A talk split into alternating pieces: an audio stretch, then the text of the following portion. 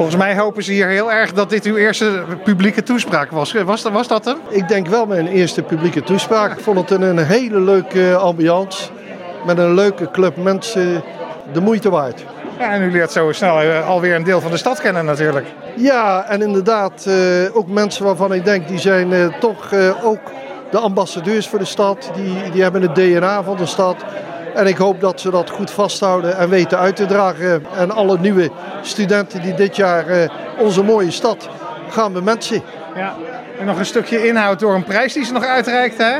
Ja, en ik vind dat uh, heel mooi dat studenten aandacht hebben voor het mentaal welzijn van medestudenten.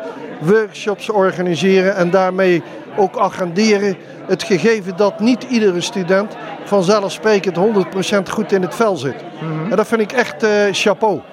En uh, we hebben gezien, hadden we eigenlijk vrijdag al een beetje gezien met het spinnen. Maar u bent nog topfit, hè? U springt zo op de tafel.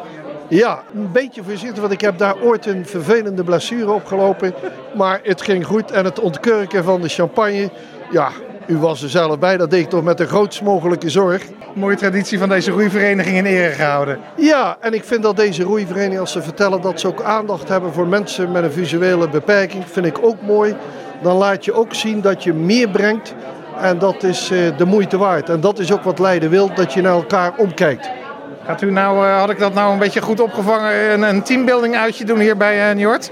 Met, de, met de raad? Nou ja, de suggestie was als je wil een keer een clinic. En ik vind dat wel mooi. En ach, soms kan het ook goed zijn voor teambuilding om met elkaar te spreken. Maar het kan ook goed zijn om actief te zijn.